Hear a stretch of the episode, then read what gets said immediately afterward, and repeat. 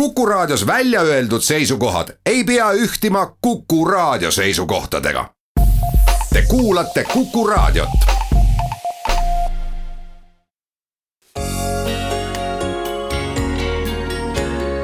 Vox Populi neliteist kolmkümmend kolm on kell nüüd, õigusteadlane Igor Krä- ja riigikogu liige Igor Gräzin on meil endiselt telefonil ja head kuulajad, telefoninumber kuus, kaks, üks, neli, kuus, neli, kuus on nüüd vaba, et saaksite esitada ka ise Igor Gräzinile küsimusi, kui teil on seoses prokuratuuri või, või kohtute süsteemiga ja meil ongi juba helistaja ka liinil, tere päevast. tervist, mina olen Eerik Tartust. jõudu tööle, härra Gräzin ja saatejuht. küsimus oleks järgmine härra Gräzin, kas teile ei tundu, et astmelise tulumaksu ja autojuhtide astmelise karistuse vastasteks on meie nii-öelda eliitklass, kes kardab ise sellise löögi alla sattuda, esiteks. ja teiseks vastupidi, lastetoetused antakse kõigile valimatult, no kuulge, meie, meie proteese ja neid äh, ei jaga kõikidele, antakse no, sõna tugi ja toetus on ikka vajalikule inimesele, mitte nüüd valimata kõigile. aitäh. aitäh Eerikule küsimuse eest. no see ei ole nüüd päris tänane teema sellepärast ma vastan hästi lühidalt. teate mis, proportsionaalne tulumaks ehk kindel protsent on vähemalt kuus tuhat aastat vana ja see on Moosese raamatus teises, kolmandas ja neljandas, selle nimi on kümnis. proport-, aga astmeline tulumaks on Marxi väljamõeldis umbes sada viiskümmend aastat tagasi ja see oli tal vaheetapp, enne kui kodanlastelt üldse kõik ära võtta. no nüüd me sotsialismiga oleme näinud, kuhu me oleme jõudnud, Rootsi on hakanud sellest loobuma, ongi kõik. Kuus, kaks, üks, neli, kuus, neli, kuus, järgmine helistaja on liinil, tere päevast tere päevast, minul on selline küsimus, et mida peab ühes õigusriigis äh, riigi peapro-, seadusekuulekas riigi peaprokurör tegema, kui temani jõuab info, et äh, ühel juhtumil kahtlusalust proovivad tema alluvad süüdi mõista fabri-, fabritseeritud tõendite alusel või noh, süüdistada. et mida, mida ta peab siis tegema? Ja teine küsimus on see, et kas härra Gräzini arvates on Lavly Perling ebapädev, laisk või lihtsalt vale koha peal? aitäh küsimuste eest no kõigepealt esiteks selle konkreetse kohtuasja kohta tähendab iga normaalse riigiprokuröri ja sealhulgas Eesti prokurör, eks nad muidugi jõudumööda mõnikord pingutavad ka, ta peab konkreetse asja lahendama vastavalt seadusele. meie probleem on teises kohas. prokuratuur tegeleb ainult mugavate asjadega. mida tähendab mugav asi, see on see, kus saab pressikonverentsi anda, kus saab poliitilist profiiti lõigata, kus saab natukene edev olla ja vastupidi tähendab need tõelised asjad, mis on mormid, nagu see Danske oma, see lükatakse kõrvale. Lavly Perling, inimesena mul ei ole tema vastu kindlasti mitte midagi, aga siin tuleb aru saada, et Lavly Perling esindab ja neid inimesi on prokuratuurisüsteemis kümneid, kes on kasvanud selle mentaalsusega, mis tuli veel omal ajal Res Publicast. vot meie teeme kõik, meie oleme ära ostmatud ja mingu see seadus, kuhu ta läheb, no vaadake kaheksa aastat või see needsamad kaheaastased eeluurimised ja nii edasi, kusjuures muide fakte ei korjata, lihtsalt hoitakse eeluurimist käigus. see on see, mille kohta öeldakse kohtuväline repressioon, mida ei tohi õigusriigis olla ka kõige suurema kurjategija suhtes, inimesel on püha õigus, mida Eesti prokuratuur püüab eeldada, eitada ja see õigus on õigus kohtupidamisele inimesi ei lasta kohtu ette aastate kaupa. kusjuures mitte mingisuguseid uusi tõendeid nende aastate jooksul ei tule. kuus, kaks, üks, neli, kuus, neli, kuus on telefoninumber, Igor Gräzin on valmis vastama teie küsimustele, mis siis prokuratuuri kohtuid puudutavad. järgmine helistaja on liinil, tere päevast tere päevast, et äh, minul on küsimus, täna oli ka kuulda, et peaminister lõpuks on sõna võtnud äh, seoses Danske pangaga ja selle rahapesu uurimisega nii-öelda, et äh, ta väitis seal, et on vaja nii-öelda karistada inimesi, kes on sellega seotud, see on iseenesestmõistetav, aga see mainekahju, et kas oleks mingi võimalik, et Eesti riik saaks seal kuidagi selle mainekahju nagu nii-öelda rahaks kirjutada, et meil siin räägitud, et tiir läheb maksma sada üheksakümmend miljonit, et et ma arvan, et see sada üheksakümmend, kakssada miljonit on Danske emapanga kontol väike tolm kapi peal, et aitäh teile. aitäh küsimuse eest. selle peale on siis niimoodi, et, et see on noh, märksa komplitseeritum asi, kelle käest sa selleni väga sisse nõuad. Tegelikult Danske pank käitus pangana enam-vähem vastavalt panga reeglitele ja nendele reeglitele, noh, mis sisaldasid iga pank Eestis põhimõtteliselt teab, et rahapesu on formaalne sihuke paragrahv, et Eesti Vabariigi prokuratuur rahapesuga sellisel kujul ei tegele ja siis käitutakse vastavalt. muide, reaalne tagajärg ei ole mitte ainult mainekahjus, vaid ka reaalses rahalises kahjus, noh Eesti suhtes näiteks see, et ütleme Eestisse ei julge enam keegi naljalt rahalisi aktiive tuua, ka ausad pangad sest nad nüüd teavad tänu Danskele, et Eestis võib toimuda panganduses kurat teab mis. nüüd ma arvan, et küsimus on selles, et, et mainekahjul puudub äh,, mainekahjul puudub ühesõnaga sihuke rahaline ekvivalent. me oleme esimese sammu sinnapoole astunud, et vähemalt nüüd hakatakse uurima, aga ma kordan oma põhimõtte. Eesti Vabariigi prokuratuur tänase personaliga, tänases koosseisus ja tänase mentaalsusega ei ole võimeline seda tegema. Eesti vajab eriprokuröri, mis on ka mehitatud ka välisspetsialistidega, keda me usaldame ja nii edasi. kuus, kaks, üks, neli, kuus, neli, kuus, järgmine helistaja on liinil, tere päevast. jah, tere päevast äh, rikutuse tasandilt, oma rikutuse tasandilt muidugi julgen öelda, et tähendab, prokuratuur teeb ikkagi seda ja, ja, ja jätab tegemata selle, mida ütleb mida ütleb äh, minister või vastavalt siis võimul olev, tähendab koalitsioon ehk grupeering, nagu mulle meeldib tavaliselt öelda. et ega nüüd päris prokuratuuri niimoodi saa süüdistada, vast ehk on ka natukene kurjast, kuigi, kuigi, kuigi süüdi jääb nagu tema, eks ole. aga mul oleks härra Gräzinile niisugune küsimus, et äh, kuidas nimetada äh, juristi haridusega Riigikogu liiget kes väidab, et minu jaoks on see asi juba selge kümme aastat. ja vot nüüd, nüüd jõudsin ära oodata, et ärgati. mille kuradi pärast härra Gräzin ise varem ei ärganud ja seda teemat üles ei võtnud, aitäh. nii, minu, minu esimene eelnõu sellel teemal on esitatud kümme aastat tagasi, praegu on käigus neljas eelnõu järjest kolm eelnõu on kas maha hääletatud või kadunud, kusjuures eelnõu on olnud väga pisikene, eelnõu on olnud eeluurimise tähtaegade kehtestamiseks ja teine eelnõu on olnud järelevalvekomisjoni esimeheks, praegune on teisel lugemisel. niisiis, esimene eelnõu läks sisse ja läks õiguskomisjoni ja läks pärast ka suurde saali kümme aastat tagasi. kallis sõber, mida ma pean tegema? riigikogu saadikul on üks ülesanne kirjutada seadusi ja lüüa lukku. ja ma loodan, et, et küsija praegu öö, olles noh, õiglane, ütleb, et see on olnud Gräzini teema, kusjuures muide ka valimiseelselt kogu aeg ja see hakkas peale sellest hetkest, kui algas maadevahetuse protsess, mis oli puhtalt poliitilise iseloomuga, tähendab, ja mis lõpuks kukkuski kokku muide tähendab, neli aastat hiljem tuldi välja uue süüdistusega, nüüd see, et prokuratuur on valitsevate erakondade käepikendus, no selle peale ma ütlesin Kaispoomale, no tule taevas appi. prokuratuur läks valitsuserakonnale kallale selle kuulsa kilekoti skandaaliga. prokuratuur on asutus omaette oma isiklike huvidega kuus, kaks, üks, neli, kuus, neli, kuus on telefoninumber, Igor Gräzin on valmis vastama teie küsimustele. järgmine helistaja on liinil, tere nii, kõigepealt tahame Igor Gräzinit selle nädala Õhtulehe artikli eest, et see oli südamega kirjutatud ja, ja väga kena.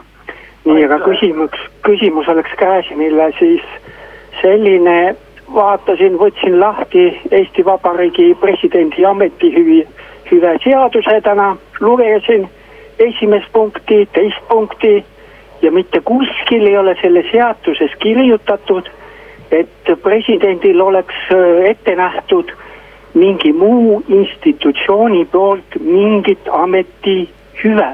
et kuidas teie seda seletaksite? asi on äärmiselt lihtne ja ma kordan seda veel kord ja ma loodan, et keegi ei ütle, et Gräzin pole sellest kunagi rääkinud. Eesti Vabariigil ei ole presidenti vaja kohe üldse. Eesti Vabariigil oli vaja presidenti esimesel kolmel-neljal aastal, kui meil oli vaja, no ütleme, Eesti nägu see, kes Eestit räägiks ja kes Eestiga, no Eesti nimel maailmas oleks.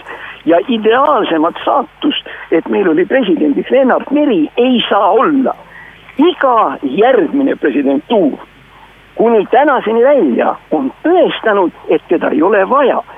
tegelikult noh, mida presidentuur kujutab, see on mingisugune niisugune natukene popsi ja mooneka meelne püüe taastada aristokraatiat.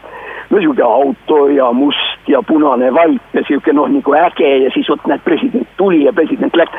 see on see vana, noh, ütleme sihuke noh, koogutamise põhimõte, samas kui president sisuliselt mitte midagi ei tee, teda ei ole vaja ja muide, kui teeb, ega siis on need üldiselt ka siukesed kehvapoolsed asjad. kui ei ole presidenti, pole ka ametihüvesid ja on kõik korras me peame tegema väikese reklaamipausi, pärast seda on Igor Gräzin jätkuvalt valmis vastama teie küsimustele.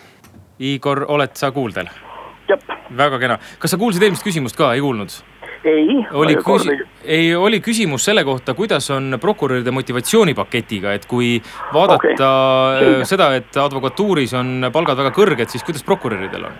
ja, ja äh, tähendab, kas ma tohin nüüd juba ja, ja, ja, sest okei, okei, räägime nüüd niimoodi.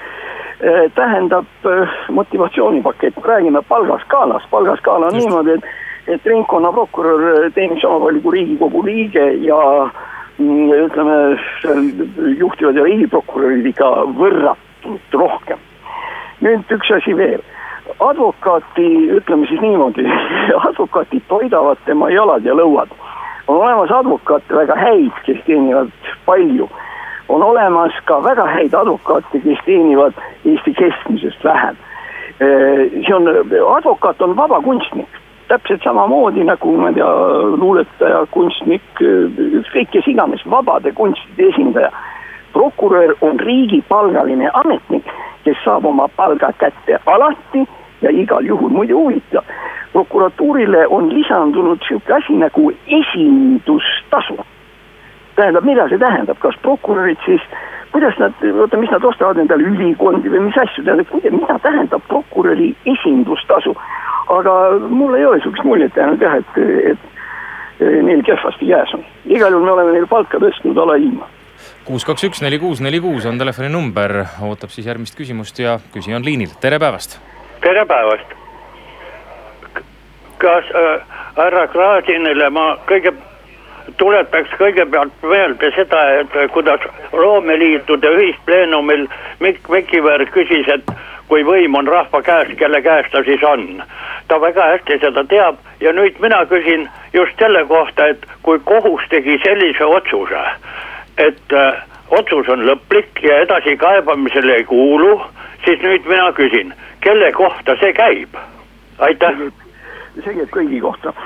me peame kokku leppima ühes asjas, kõik inimesed teevad vigu sealhulgas teevad vigu ka kohtunikud ja seda võib teile kinnitada iga inimene, kes vaatab jalgpalli.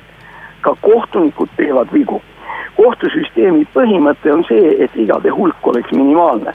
selle jaoks on olemas kassatsioonid, apellatsioonid, järelevalved ja muud sellised asjad. nüüd küsimus, kas läbi kogu selle filtri võib juhtuda, et kohus teeb vea ja viga jääb kestma? jah, võib küll. aga see on me püüame ju tekitada sellise ühiskonna põhimõtteliselt, eks ole, sa oled hea, aus, tubli inimene, perekonnaisa, mis iganes, lähed mööda tänavat, tellis kukkus pähe. ongi elu lõppenud. kas me saame öelda, et seda kunagi ei juhtu? juhtub, aga kohtusüsteem erinevalt prokuratuurist on aegade jooksul kujunenud iseennast maksimaalselt kontrollivaks ja see on see, mis ma saan vastata kuus, kaks, üks, neli, kuus, neli, kuus. ootame järgmist äh, küsimust ja siin ta ka on, tere päevast. tere päevast. kuuleme teid. mind huvitab, äh, mis Igor Gräzin arvab, mis saab Edgar Savisaarest edasi? siin on üks põhimõtteline vahe minu kui riigikogu liikme ja prokuröri äh, Sven-Hristo Evestuse vahel. Evestus eile Facebookis võttis sõna mille, selle sõnavõtu sisu oli see, et arstlik ekspertiis noh, ühesõnaga, et, et seda, et keegi ütles, et Savisaar on haige ja nii edasi, et seda ei maksa võtta tõsiselt. muidugi Evestus ütles seda väga peenelt, aga te võite minna Facebooki ja vaadata, kuidas see lugu oli. nüüd minuga seoses. ma olen Eesti Vabariigi Riigikogu ehk seadusandliku kogu liige. ma olen ka advokatuuri liige ja minu liikmelisus on peatatud. ja juristina ma saan teile vastata ainult ühtemoodi. riigikogu liige ei tohi kuidagi sekkuda käimasolevasse protsessi. ma ei saa sellele protsessile anda absoluutselt mitte mingisuguseid hinnanguid peale selle, mis ma juba ütlesin, protsess on prokuratuuri süül lootusetult veninud ja täna noh, on see asi kohtus, aga noh, nii nagu noh, ma lihtsalt ei tohi rohkemat öelda, ilma et mind süüdistataks kohtuotsuse mõjutamises. kuus, kaks, üks, neli, kuus, neli, kuus, järgmine helistaja on liinil, tere päevast tere päevast, härra Gräzin, palun selli-, sellisele küsimusele vastust. milline vastutus on Eesti rahandusministril, kes eh, töötas eh, või valitses rahandust just sellel ajal, kui toimusid need suured rahapesu kuriteod, ütleme, ja see oli härra Ligi, palun vastust rahandusminister otseselt rahapesuskeemide eest ei vastuta ja, ja muide ei olnud mitte ainult Ligi. ja Ligi võib-olla vaata isegi kõige vähem, tähendab rahandusministrid on meil olnud ikkagi lademetes, probleem on hoopis teises kohas. probleem on selles, et meie finantsinspektsioonis, mille ülesandeks on kontrollida rahapesu, on võimekus väga väike. teine fakt on see, et prokuratuur, olles teadlik, keeldus asja uurimast ja see, see on teine probleem, kui me need kaks asja korda saame, läheb ülejäänu juba paremini ja kolmandaks, mis ma võin öelda. minu juures kirjutasid kaks üliõpilast viisteist aastat tagasi ja nüüd nad on abielupaar magistritöö rahapesuskeemist, skeemidest ja rahapesu juriidikast. ja nende magistritöö üks järeldus oli see, et Eesti Vabariigis rahapesust räägitakse, aga keegi ei võta seda tõsiselt. ja nüüd, kus see pauk ära käis ma arvan, et me elame loodetavasti hoopis teises Eesti rahanduses. me jõuame ühe küsimuse veel vastu võtta ja helistaja ongi juba liinil, tere päevast. halloo. tere päevast, härra Gräzin, jõudu teile, rõõmu. aitäh. aga minul on üks küsimus, tähendab, vaadake, te ütlesite, et no need presidentuuri ja see praegune seis, et ta ei ole mitte vajalik. mul on küsimus selline, kas liberastist endise ekspendi Ilvese Härma, see sada viiskümmend tuhat on võimalik nõuda, mis oleks minu arvates prokuratuur, mis teie arvate, aitäh? aitäh. no vot see on küsimus selles, et tähendab, no räägime siis seaduse piires. tähendab, tegelikult ega Ilves ei saanud ju mitte midagi ebaseaduslikult, see raha anti talle EAS-ist ja anti seaduslikult samas kui see skeem ja see ei ole mitte ainult Ilvese asi, seda on Eestis muide ka mitmel pool, mitu korda mujal rakendatud, skeemi sisu on ju tegelikult väga lihtne. sa võtad oma eneseelamu, kuulutad ta hotelliks ja turismiobjektiks, võtad selle raha sisse, nelja-viie aasta pärast teatad, ups, ei tulnud välja ja ongi kõik ja seda on tehtud sadu ja tuhandeid kordi. probleem on lihtsalt selles, et, et noh, Ilvese puhul see skeem tuli välja noh, sellest tuleb edaspidi kindlasti ka rääkima hakata, üldiselt ma ütleksin niimoodi, et ma kordan seda vana tõde, kolmveerand ettevõtluse arendamiseks antud, antud raha, mis on meile Eestisse tulnud, on lihtsalt ära söödud ja noh, ta on läinud, no teisest küljest Ärma talu on ilus koht jälle, miks mitte. Meie aeg on kahjuks läbi saanud, Igor Gräzin, suur aitäh täna meiega liitumast, ilusat päeva jätku ja aitäh kõigile, kes ka küsimusi esitasid